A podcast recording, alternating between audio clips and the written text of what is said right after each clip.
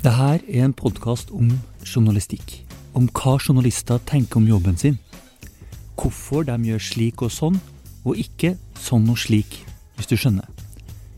Journalister har sine metoder, sine veier fram til fakta og fortellinger som andre ikke kjenner til.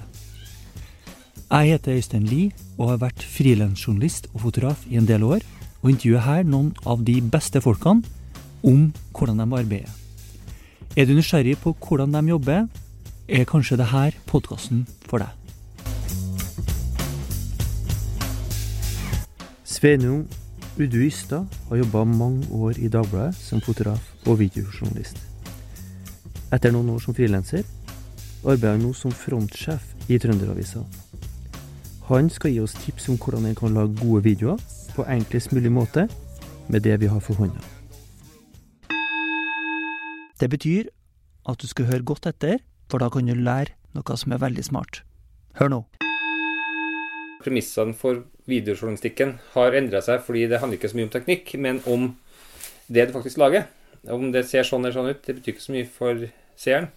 Det er en dem som bestemmer formatet gjennom at de bruker det innholdet vi lager. Og da er mobilen plutselig vel så viktig som en dyr mikrofon. Så. Men, men hva er forskjellen på, på TV-produksjon og den litt mer lettbeinte, nettbaserte filminga og produksjonen? Ja, egentlig så er det nesten ikke noe forskjell lenger. For at, nå har jo TV-selskapene gått over til å jobbe mye enklere. For de er også tvunget til å tenke annerledes. sånn at mye av det du ser nå på, i nyhetssendinger sånn, kan jo være laga med, med mobilkamera.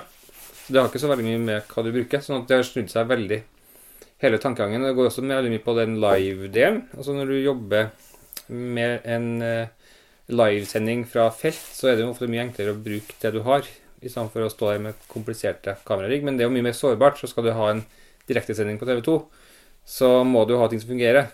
Men skal du bare rapportere fra en demonstrasjon eller fra en, noe som skjer, så er jo mobilen eller det du har tilgjengelig, det du bruker. Og det fungerer faktisk veldig ofte. Men hvordan får du det til å fungere hvis vi da tar en sånn liveinnslag? da, Hvordan går man fram for å få mikrofon og bilde til å fungere? Hvis du er helt sånn mm. Det som jeg gjør, i hvert fall, etter å holde telefonen min i hånda, så tenker jeg litt samtidig her. Ja, fint. det er at eh, eh, ofte, altså Det viktigste vi gjør, er at vi holder eh, kameraet i ro. For det er ofte vi gjør feil, for vi er vant til å vimse rundt med telefonen. Men å holde det stabilt. Og skal du ha en livesending, så er jo det aller, aller viktigste at du faktisk har god lyd. Aller, aller viktigste at du faktisk har god lyd. For at jeg pleier å si du kan nesten snu bildet opp ned, men hvis lyden er dårlig, så forsvinner dem som skal se på. Så bare tenk at lyden må sitte, og da eh, er det egentlig litt sånn som vi gjør nå. Så nå sitter vi ganske nærme, og da får vi ganske god lyd. Og det er det samme med en mikrofon på en mobil. At den, desto nærmere du er mikrofonen, desto bedre lyd får du.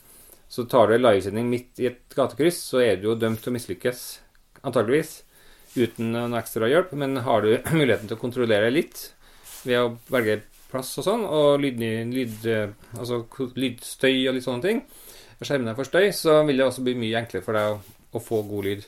Men bruker du intern eh, mikrofon på telefon? Nei, Eller tar du og kobler til ekstern? Hvis jeg skal ha en livesending nå, så vil jeg koble på en mikrofon, en sånn myggmikrofon som er en ledning som jeg kobler i, og så holder jeg den i hånda mi, og så er vi i gang. Ja, for da kan du intervjue andre også ja, med den ja. myggen. Da Da har jeg en, bare en, en, veldig enkel ledning som jeg plugger i, og da har jeg på en måte mye mer kontroll på lyden, for da kan jeg liksom holde den som en, en håndholdt mikrofon. Eller så kan jeg montere den på f.eks. skjorta til den som skal intervjues, eh, hvis det trengs. I en annen situasjon. Og da har jeg på en måte lydkilden har jeg kontroll på, for da styrer jeg den med hånda.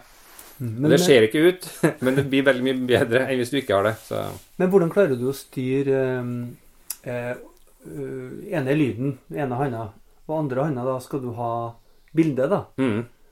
Da begynner det å bli litt eh, vanskelig. Ja, så det er litt øving eh, å få det til. Men ha, har du på en måte litt teknikken på det, og holder kameraet i ro, så klarer vi å holde ganske Kanskje to minutts samtale uten at det blir noe krise. Men vi tilgir også at det blir litt risting, og sånn, og at det ikke ser helt perfekt ut. Eh, hvis det innholdet som vi snakker om eller vises fram, er viktig nok og bra nok. Så det er litt teknikk, og, og så kan du også ha noen små hjelpemidler, sånn at du på en måte får det til å fungere enda bedre. Det fins jo sånne små stativ du kan sette oppå òg. Jeg vet ikke om Det går an å bruke forskjellige holdere, sånn at det gjør det enklere å holde det og sånn, men min erfaring er at desto mer utstyr du har, desto mer trøblete blir det. Så min beste oppskrift er en enkel telefon holdt i hånda sammen med en litt enkel mikrofon som går på ledning.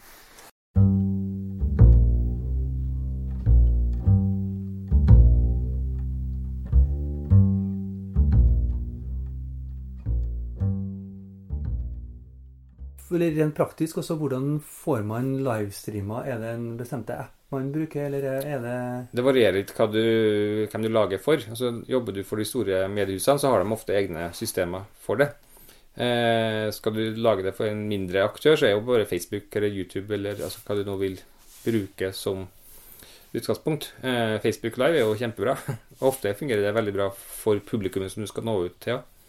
Eh, men skal du jobbe for en redaksjon, så har de ofte egne systemer, for da må du ha det inn i deres system. Men det blir jo mer avansert. Eh, men ofte så gjør jeg også at jeg gjør måtte, det som i TV-en heter live on tape. Altså jeg gjør, gjør hele greia som en live, men jeg laster opp filer etterpå. Eh, for eksempel, da. Sånn at eh, for å sitte og redigere og sånn, så tenker jeg at det her skal være livesending, og så laster jeg opp hele den videoen som en slags form for livesending. Da tar du opp først, da. Ja. Altså rett og slett bare gjør det, og så eh, Og så er det jo litt det med å redigere et intervju. Hvordan går du fram da? Det viktigste i forhold til redigering er egentlig at du begynner å redigere lenge før du begynner å filme. Altså, du må, hvis ikke du har en plan før du begynner å filme, så, så er det helt håpløst. Hvis ikke du har en plan før du begynner å filme, så, så er det helt håpløst. Det er på samme måte som du skriver, så sitter du og tenker titler og ingresser, og du tenker jo tekst mens du jobber ute. Og det må du også gjøre med video. Så hvis ikke du har en plan, så, så er det nesten håpløst å lage ferdig den videoen. Så min redigering starter i idéfasen. Og mens jeg filmer, og mens jeg intervjuer, så gjør jeg jo redigeringa samtidig med at jeg snakker med en person. For jeg hører jo det der funker, det der funker, da trenger jeg det. Og da har jeg på en måte fått elementene jeg trenger. Sånn at eh, redigeringa er en del av opptakssituasjonen. Eh, og når jeg da er ferdig med å filme, så film, kan jeg redigere enten på telefonen, bruke iMovie eller det er Kinemaster, eller det er masse forskjellige apper nå som er tilgjengelig, og alt fungerer like bra.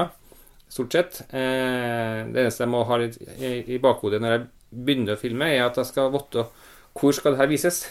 Hvor skal formatet være? For eh, vi vanligvis vil jo vi filme i breddeformat, men er det egentlig høydeformat du trenger, så må du tenke gjennom Du må ha en plan på det, og det er også en del av den redigeringsjobben som du gjør i forkant. For hvis du vet hvordan det skal vises, så er det også enklere å tenke redigering.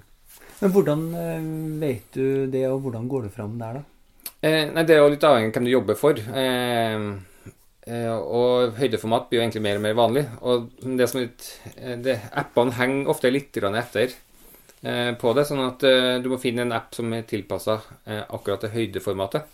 Eh, så f.eks. iMovie, som mange bruker. Eh, jeg har ikke fått så mye høyde, men det kommer vel etter hvert. Kinemaster har det. Det finnes masse forskjellige løsninger, sånn at det, det, ut fra format så finner du det beste.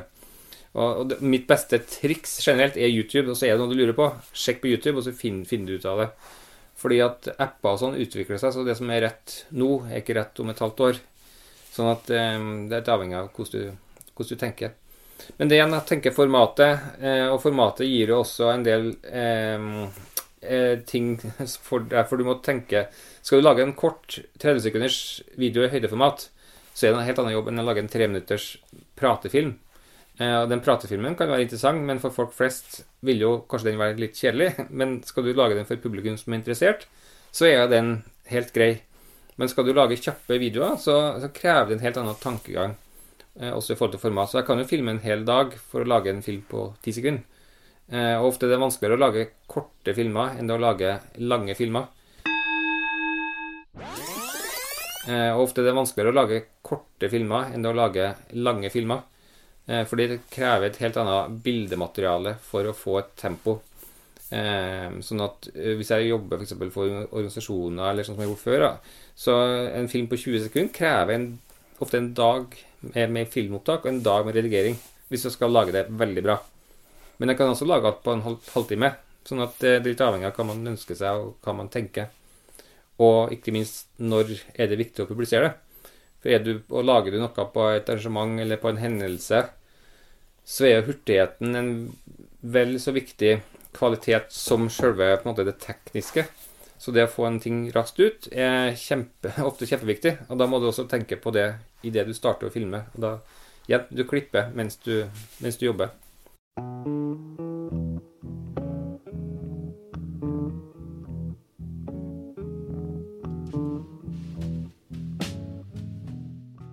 Så lenge du jobber med telefon, så er det egentlig telefon styrer alt, og det er greit. Men eh, det som kan være greit å huske, er at eh, du kan prøve å overstyre eh, eksponeringa. Sånn at eh, for hvis du beveger deg rundt i et eh, rom med masse lys som endrer seg, så vil det se litt uproft ut, for det, den begynner å, å justere seg automatisk. Så det som jeg ofte gjør, er at jeg eh, fokuserer og låser eksponering og fokus på personen som jeg filmer. Og da har jeg kontroll. Det, da holder jeg fingeren på ansiktet på den personen som er i skjermen, og så holder jeg det i to sekunder. Og da låser det seg. Og da kan jeg altså gå inn og justere ved å dra både på Android og iPhone. Så kan du dra opp og ned på eksponeringa så du mørkner eller lysner ved å justere. Og akkurat det trikset der er kanskje det beste trikset for å lage en profesjonell video. Hold fingeren på ansiktet i noen sekunder. Hold fingeren på ansiktet i noen sekunder. Og Da kan du begynne å komponere bildet annerledes og tilpasse sånn som du ønsker å ha det, uten at lyset og eksponeringa endrer seg i, i, på skjermen. da. Og Det er en kjempeviktig måte å tenke på. for at uh, Så lenge du har kontroll på lyset og kontroll på situasjonen, så, så har du på en måte kontroll på alt. Uh, men er du ute på en demonstrasjon, eller skal du være med på kurslepp oppe i Alvdal, så der er det som i action at det, der kan du ikke sitte sånn. men et intervju eller en situasjon der du vil prøve å få det best mulig resultatet, så lås eksponering. Hvordan skal man gå fram i, i, en intervjusituasjon hvor man da kanskje er et rom hvor det er en del forstyrrende elementer? Eh, det jeg gjør på sånne ting, er egentlig gjerne å filme i to runder. Altså gjøre intervjuet to ganger. En gang så er det kanskje der ting skjer, men der er det masse lydproblemer og lys og hele tatt. Men da har jeg gjort, gjort et intervju. Men så tar jeg med intervjuobjektet i et miljø der jeg vet at jeg har kontroll på både lys og lyd. Dvs. Si at det ikke er noen lydkilder som kan ødelegge i form av vifter eller trafikk eller bråk som på en måte forstyrrer. Og samme måten kan jeg også kontrollere lyset ved å velge en plass der det er f.eks. dagslys fra et vindu eller Og da har jeg på en måte to intervjuer som jeg kan klippe mellom hvis jeg trenger det.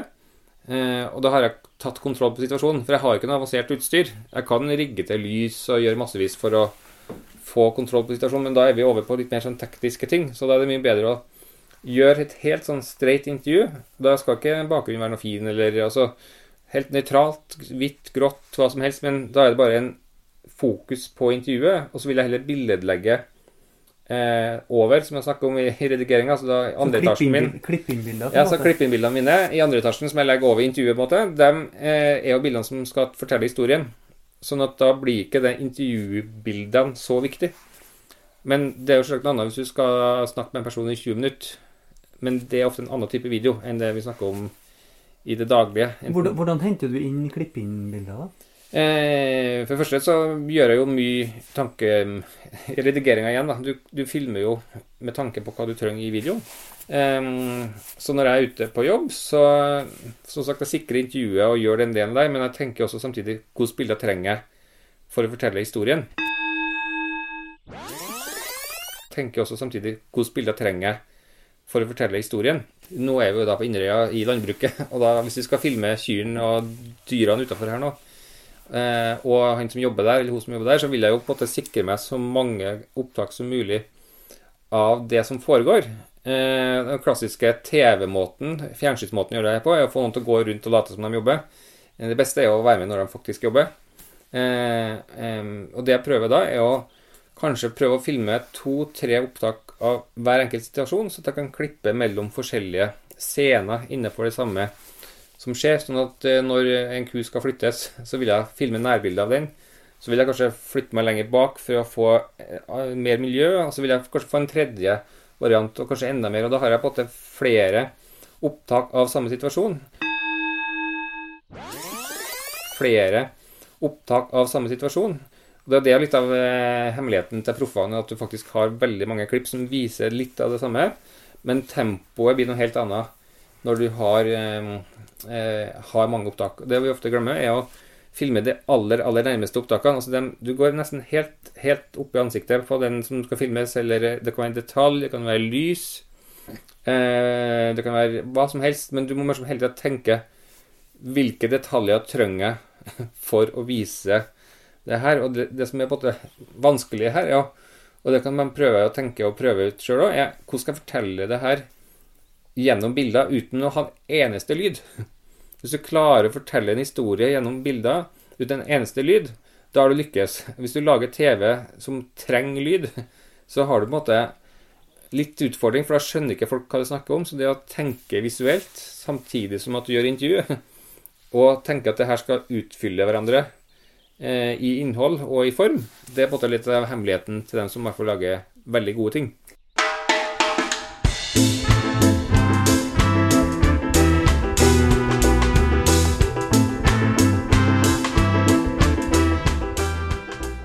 Det å tenke litt systematisk, at du hele tida filmer masse detaljer, og hvis du tror du er ferdig, så filmer du dobbelt så mye.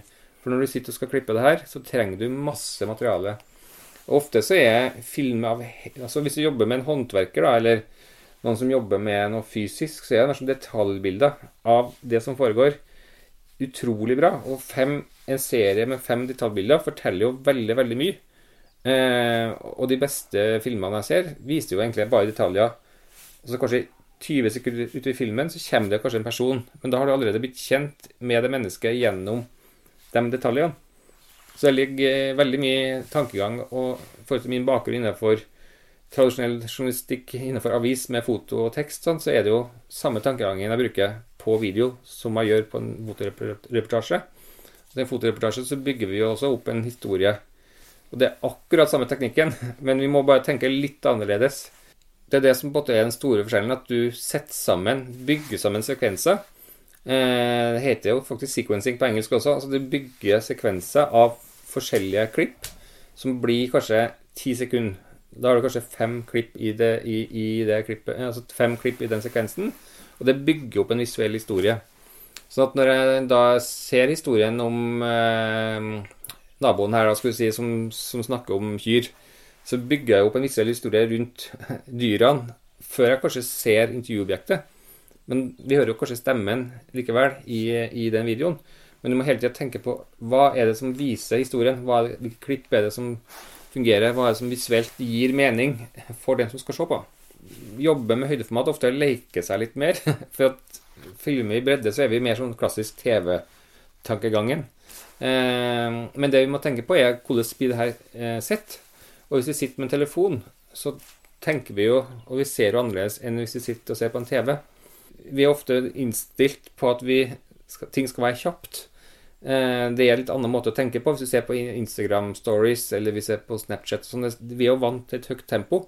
Men det er også ganske avansert historiefortelling i det som legges ut på Snapchat og Instagram og sånn av private. Altså det er en, folk på en måte lager jo ganske bra ting, rett og slett. Det som jeg tenker på hvis jeg skal lage høydeformat, er å tenke på er det noen behov for tekst i det bildet her. Kanskje jeg skal filme med tanke på at jeg skal legge inn tekst. Eh, hvor hoveddelen av motivet ligger det øverst eller nederst i bildet. Altså, eh, jeg må tenke litt mer bevisst Bør det ligge fast, det, da? På en måte som noenlunde? Eh, nei, det, og det, det, er ikke noen regler for noen ting. Og det er det som er artig. Det er ingenting som er rett, og ingenting som er feil. Men det, det som teller, er det som funker. så det handler ikke mye om bevegelse og action og hva som skjer faktisk framom kamera. sånn at alt er lov, men bare tenk hvis man skal i hvert fall tenke tekst i bildet, så må du ha plass til det. For det som er dumt, er å, å, å ødelegge et godt bilde med tekst. Eh, så man må tenke kanskje litt bevisst rundt det. Når man tar bilder, så er det jo ofte en fordel kanskje å ta, få med mer enn det man skal ha med. Man kan eh, beskjære bildet. Hvis jeg ikke vet hvordan filmen skal brukes, eller hvis jeg vet at den skal brukes både i bredde og høyde, da filmer jeg ofte i bredde uansett. Og dagens telefoner har jo fantastisk oppløsning, sånn at det er jo ikke noe problem å beskjære et bilde. Eh, det jeg tenker litt på da, er at hvis jeg er litt usikker eller ikke vet helt hvordan det brukes, at jeg prøver å sentrere motivet sånn at denne intervjuet er ca. midt i bildet. Denne intervjuet er ca. midt i bildet. For da kan jeg beskjære, så kan jeg lage et høydeversjon eh, av, av, det, av det bildet òg. Eh, og det må du tenke på når du filmer. Så igjen, da, redigeringa starter når du filmer. Og her vet jeg at det, akkurat det motivet her bør jeg kanskje også ha i høydeformat. Og da står jeg gjerne litt lenger unna personen for å ha litt luft rundt hodet. Og så eh, står du med Beskjærer du måte, hodet til den som snakker, i breddeformat, så har du utfordring i høydeformat. Så du må tenke at du må gi litt luft og plass til personen. Det vi ofte kan stå overfor, er at vi lager en, en video eh, som er ganske lang, men så skal vi lage en kortversjon på 15 sekunder for å få folk til å se på det her. Og da er jo høydeformatet enda mer aktuelt. Så det, da har jeg i bakhodet at det her kan bli høyde, en, um, også en ganske grei ting.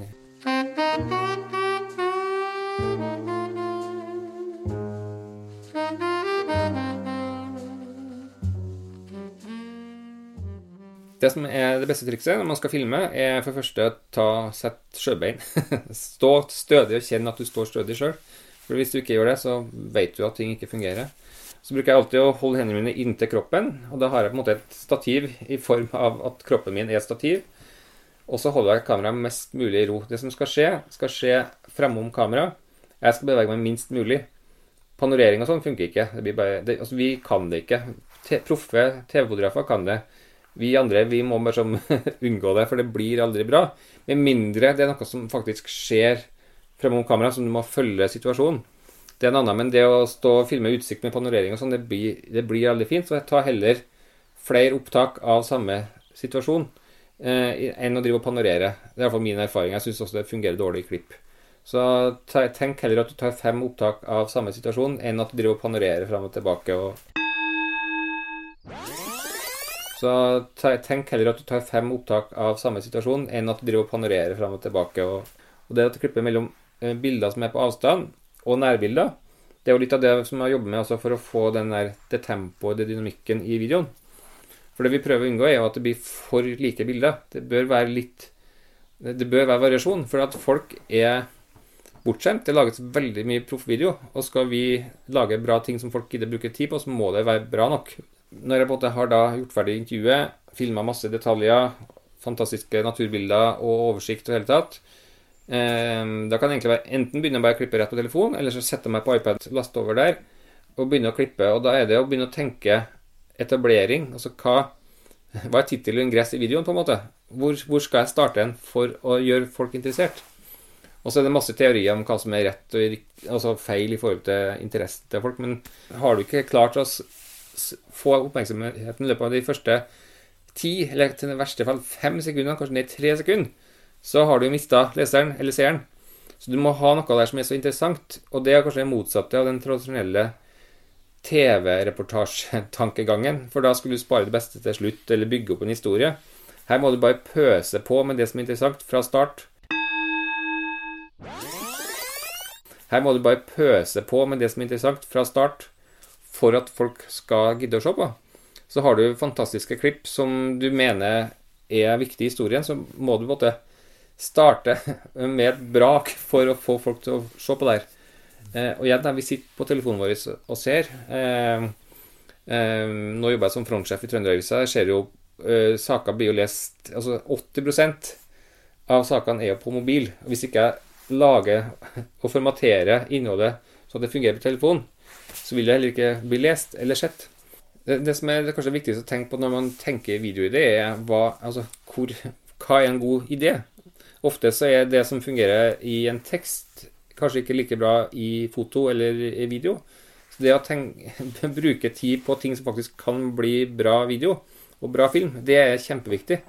Og, og hva er visuelt? Hva er potensialet? Og det er ofte vi leter etter, er jo hendelser eller ting som skjer. Altså, vi må knytte det på noe. Eh, det å, snakke, å, se snakkefilm, som jeg kaller det, det kan være krevende, med mindre du er kjempeinteressert i golf eller orientering, som jeg snakker om. Eh, men du må måske ha et eller annet, og da er det jo på en måte Hvor oppstår situasjonene? Hva er det som foregår? Skal vi lage et portrett av en person? Eh, så må vi tenke hvor er den personen her i sitt ess? Kan vi få dem ut av den kanskje mer eh, altså kjente miljøet deres og få dem ut i en annen setting? Og da leter vi som fotograf leter jeg jo alltid etter det der hvor er bevegelsen, hvor er miljøene, hvor er, sitter latteren løst? Hvor, hvor kan jeg få situasjonene? Det får jeg ikke inne på et kontor.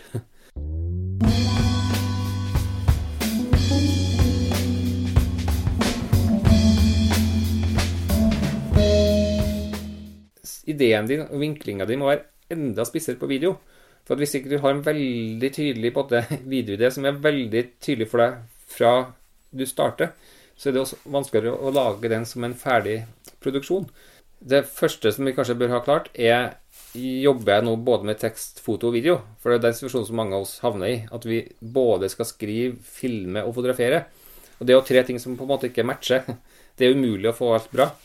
Sånn at på videosida så går jeg ofte inn og finner en del eh, altså som jeg tror er mest interessant videomessig.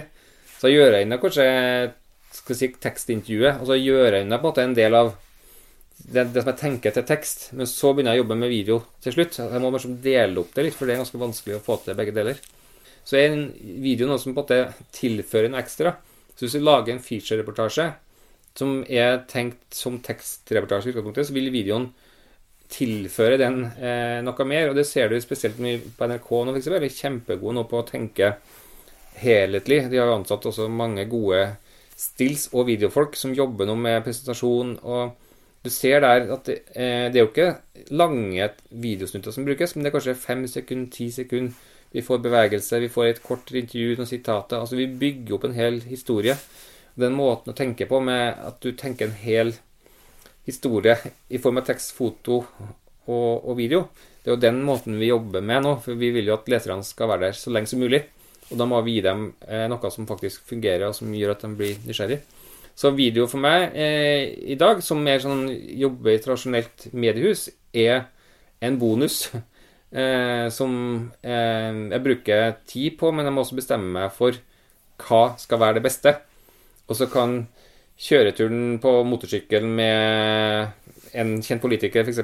være en sånn bonus som bare styrker eh, hele pakken. Eh, men skal videoen være hovedproduktet eller hovedelementet, så må du jo tenke annerledes. Skal det være noe som skal sendes på TV i en nyhetssending, så er det en helt annen måte å tenke på. Men de fleste av oss trenger ikke det. Vi trenger bare å ha noe som ekstra. Um, og vi ser jo det at de videoene som blir sett, er jo ofte kjempeenkle. Det kan være en, et, et, et, kamera som er montert i en bil som filmer en farlig situasjon. Vi sitter da i to minutter og ser på ingenting før det skjer noe i, etter 1 minutt og 45 sekunder. Men folk syns jo det her er spennende, for det føles ekte og autentisk. Sånn at eh, det å følge Finne en sånn form da, som gjør at du finner de gode videoideene, finne folk som du tror fungerer foran kamera, det er ganske viktig. Og da er det rett og slett en casting, som de gjør da i Paradise Hotel og sånn, det gjør jo vi også. I en sånn Vi finner de folkene vi tror fungerer foran kamera. Vi finner de folkene vi tror fungerer foran kamera. Godt eksempel som jeg hadde for mange år siden. Jeg var jobba på en sånn lærerkonferanse der de drev med dataprogrammering. Og dataprogrammering er jo utrolig kjedelig video, egentlig. Men de satt jo da også programmert og lagde sånne små bevegelige dingser, eh, de lærerne her. Og det var kjempeartig, for da ser jeg jo da 50 lærere i et rom, men så ser jeg plutselig en kvinnelig lærer, f.eks. Jeg hadde bestemt meg på forhånd at jeg skulle ha en hovedperson skal være en kvinne, for dataprogrammering er ofte menn. Og der ser jeg at den personen sitter jo der. Og da er det bare å følge med litt.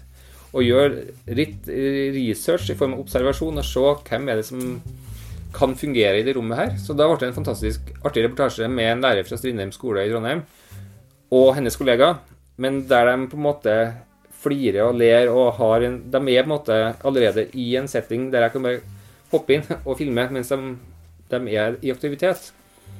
Og intervjuet handla jo om dataprogrammering, som kjempekjedelig programmering, men videoen fungerer fordi det skjer så mye.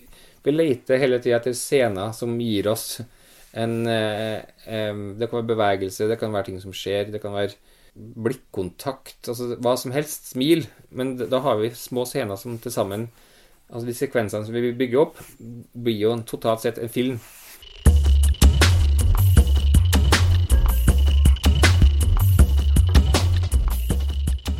Det finnes masse musikkbaser, og der kan du hente musikk. Og det kan jeg kanskje bruke i starten for å sette en stemning, da, f.eks. Noen ganger er det viktig, andre ganger så er ting så kjapt at det, det blir for krevende å begynne å legge på. Eh, men jeg kan da bruke musikken som stemningsskaper og bygge også opp. Eh, nå har jeg vært med og laga en dokumentarfilm om trebåtbygging, og vi har også, fantastisk heldige å få med en eh, bratsjist som som har spilt inn noe musikk til filmen. Og det er jo helt fantastisk når du kan bruke musikken og det samspillet mellom bilde og lyd. Men da er vi over på en litt annen ting, for da jobber vi mye mer avansert. Eh, men det er jo sånn man lager film. Det er jo lyd, og det er jo egne personer som er ansatt kun for lyddelen for at det skal bli best mulig. Men det er jo ikke det vi snakker om når vi lager hurtigfilm på, på mobil. Men det å ha en litt bevissthet også på den lyden du tar opp mens du filmer, med tanke på da kanskje de første ti sekundene. da. Hva er det du har som gjør at det kan styrke eller løfte videoen? Lager du en dokumentar om noe dystert, så skal jo musikken gjenspeile det. Og det er jo på samme måte hvis du skal lage en glad, glad. Så det er jo det å så det er igjen ingen regler, men man må bare føle seg fram. Og det syns jeg er kjempevanskelig. Det er ikke mitt fag, for å si det sånn. Jeg har brukt lang tid på å finne ut av det. Eh, men hvis du måte som seer legger merke til musikken, så har du ofte et problem, for da har du på en måte den, at det er noe som ikke stemmer. Sånn at det beste musikken er den du ikke legger merke til. Det beste musikken er den du ikke legger merke til. Og det er på samme måten hvis du legger merke til klippinga på en video, så kan det også bety at det er gjort litt dårlig klipping. For da er det morsomt. Ting altså, flyter ikke. Så det er musikk og klipp som harmonerer. Det er jo det som fungerer best for den som ser på. Jeg bruker det svært lite, men jeg kan bruker det også for å få noen sånne små overganger eh, i, i, i ditt f.eks., for å skape litt um, mer spenning i en film.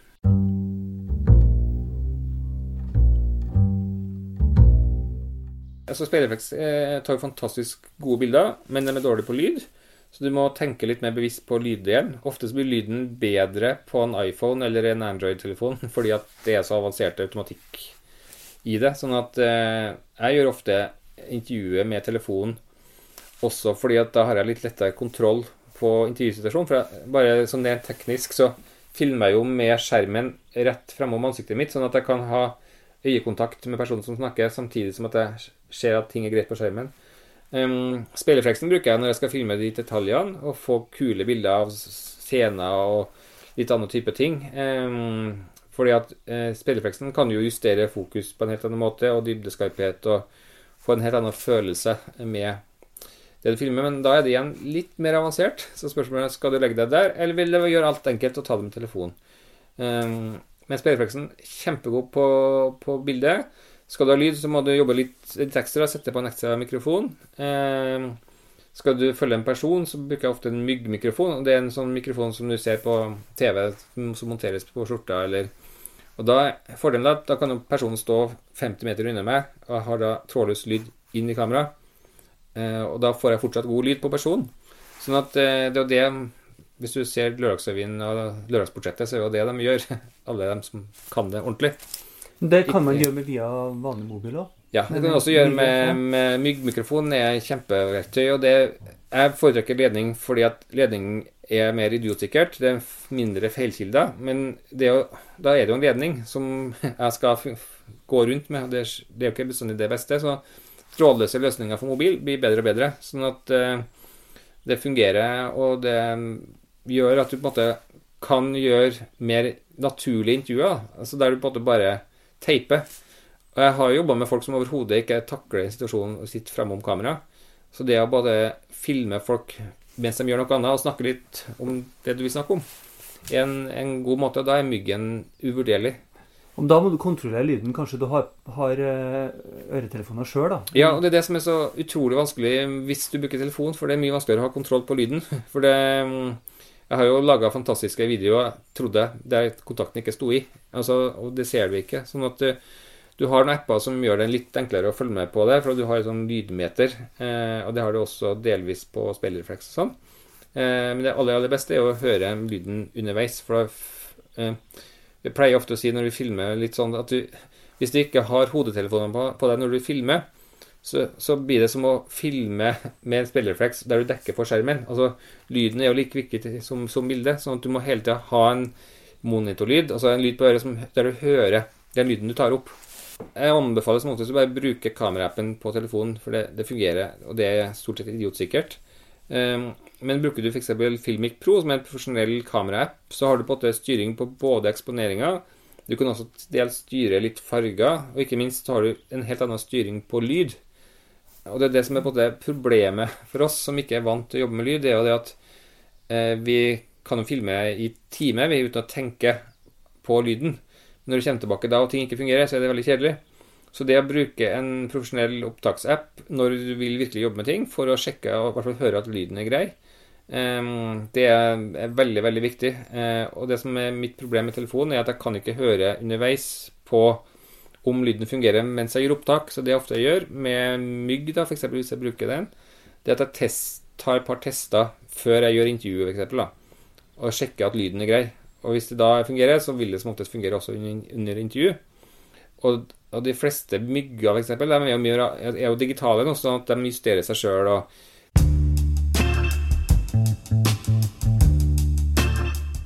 Utfordringen når vi snakker om foto og video, i hvert fall i bransjen, vi snakker innenfor journalistikk og delvis kommunikasjon, det er at det er en sånn teknisk terskel. Eh, og foto og video handler veldig mye om teknikk, men det handler egentlig veldig lite om teknikk. Det handler om den mentale prosessen i det å lage en historie. Og hvis du på en måte klarer å fjerne fokuset bort fra teknikk altså Du må bare få det til å fungere, men få fokuset på det du faktisk lager. Og igjen, telefonen hjelper deg. Eller du kan også bruke ganske avanserte spillereffekter som gjør jobben for deg. Men du må bare vite hva er faremomentet her. Sånn som trafikkstøy, den lyden som ødelegger intervjuet, eh, lyset som ikke fungerer, eh, panoreringa som er elendig for det fungerer ikke. Du må passe på hva du skal unngå, og gjøre det så enkelt som mulig. Og gjøre det så enkelt som mulig. Og da gjør det både redigeringsjobben mye enklere, og så blir også den ferdige filmen mye bedre, for da har du lært deg litt hva som ikke fungerer, da. Sånn at eh, Du ser jo nå ganske bra TV-reportasjer som er filma og redigert på mobil i store TV-selskap. Og det er ingen som tenker over det, for det handler bare om metoden og måten du jobber på. Når vi lager film, så er vi både regissør, vi er fotograf, vi er lydkvinne, lydmann. Vi er på en måte journalist. Vi gjør alt i ett. Og det er ganske krevende hvis du tenker på at det er ikke mange år tilbake i tid at alt det her var dekket av spesialister. Så at det, den tankegangen at du må hele tida tenke på hele prosessen også i form av at du er alt det der. Eh, og inn i den pakken der så kommer intervjuteknikk. og det må det øves på. Og intervjuteknikken er kjempeviktig. Og eh, vi kan ikke eh, Så det som vi teiper, er det som vi kan bruke. Så vi må liksom tenke hele tida hvordan skal vi få de beste sitatene også på opptak. Og det der intervjuteknikkdelen kommer på toppen av at du skal ha perfekt lyd, perfekt bilde og alt sammen. Oppskriften min på, på intervju er tre gode spørsmål. Oppskriften min på, på intervju er tre gode spørsmål. Husk å lytte etter det personen snakker om, og still oppfølging. Ikke kom med en liste med ti spørsmål. Det gir ikke noe mening i en sånn kortvideo som vi oftest lager. Du skal bare ha tre viktige ting som du vil ha med, eh, og så får du lage en samtale ut fra det. Har du eksempel på uh, et godt spørsmål? Eh, nei, det er jo det å få folk til å snakke litt i historie eller fortellinger. Eh, altså få folk til å bare legge ut. Eh, eh, og det er ofte også gjør at jeg styrer ofte i intervjuobjektene litt. Eh, jeg legger ikke ordene i munnen på dem, men jeg stopper dem eh, litt. Hvis jeg hører at det ikke fungerer, så ber jeg dem gjenta. Så grunnen til at jeg satsa på vindmøller og så kan du fortelle hvorfor de satsa på vindmøller i den Altså, de, du må tenke at det skal, de skal svares i hele setninga. Hvis man bruker voiceover, som er mer vanlig i tradisjonell TV, så kan du jo bygge opp til et sitat med en voiceover. Men det er ikke så vanlig å bruke det i web-TV eller i nettjournalistikken på samme måten. Så det å få folk til å snakke i hele setninga, og gjerne gjenta for å forenkle, det er noe som jeg gjør veldig aktivt som da regissør eller intervjuer eller journalist, hva jeg kalles akkurat i situasjonen der for å få akkurat de tingene på video som jeg vil ha med i filmen. For jeg vet jo hva jeg trenger. Du er helt fersk. Så bare lag lista di på svært enkle spørsmål, Og snakk med intervjuobjektet på forhånd om hva du ønsker å oppnå. Men gjerne ikke avsløre spørsmålene, for det vil du gjerne holde litt til akkurat du skal begynne å snakke. Men at du har en felles forståelse for hva dere egentlig gjør for noe. For Hvis intervjuobjektet ikke skjønner hva du gjør, så blir det også vanskelig å få de rette svarene. Eh, og den som er proff, eh, vet jo litt hva du ønsker, antageligvis. Eh, men sjøl dem må jo guides litt inn.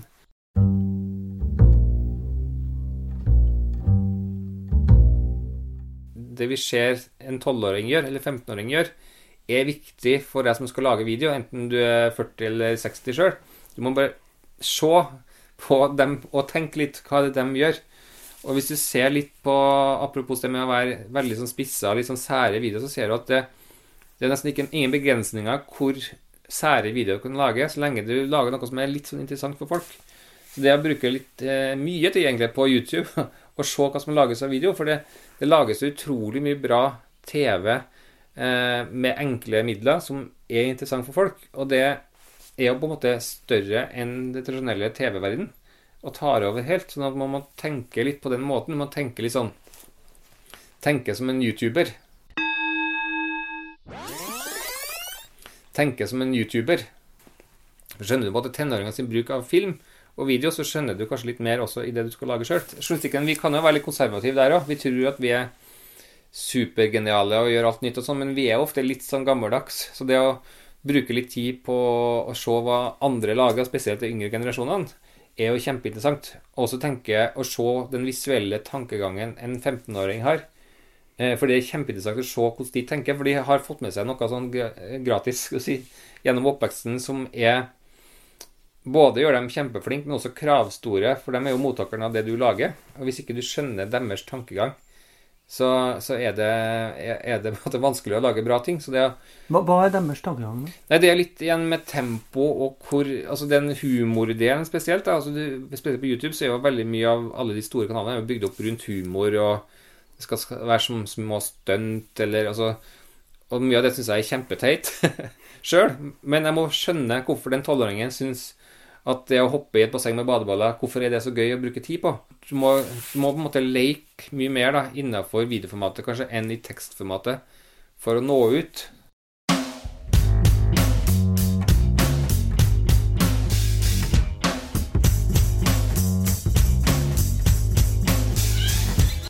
Du har hørt Sveinung Uddu Ystad snakke om videojournalistikk. De fem podkastene til nå har vært et redaksjonelt samarbeid med Institutt for journalistikk, og med støtte fra Fritt Ord.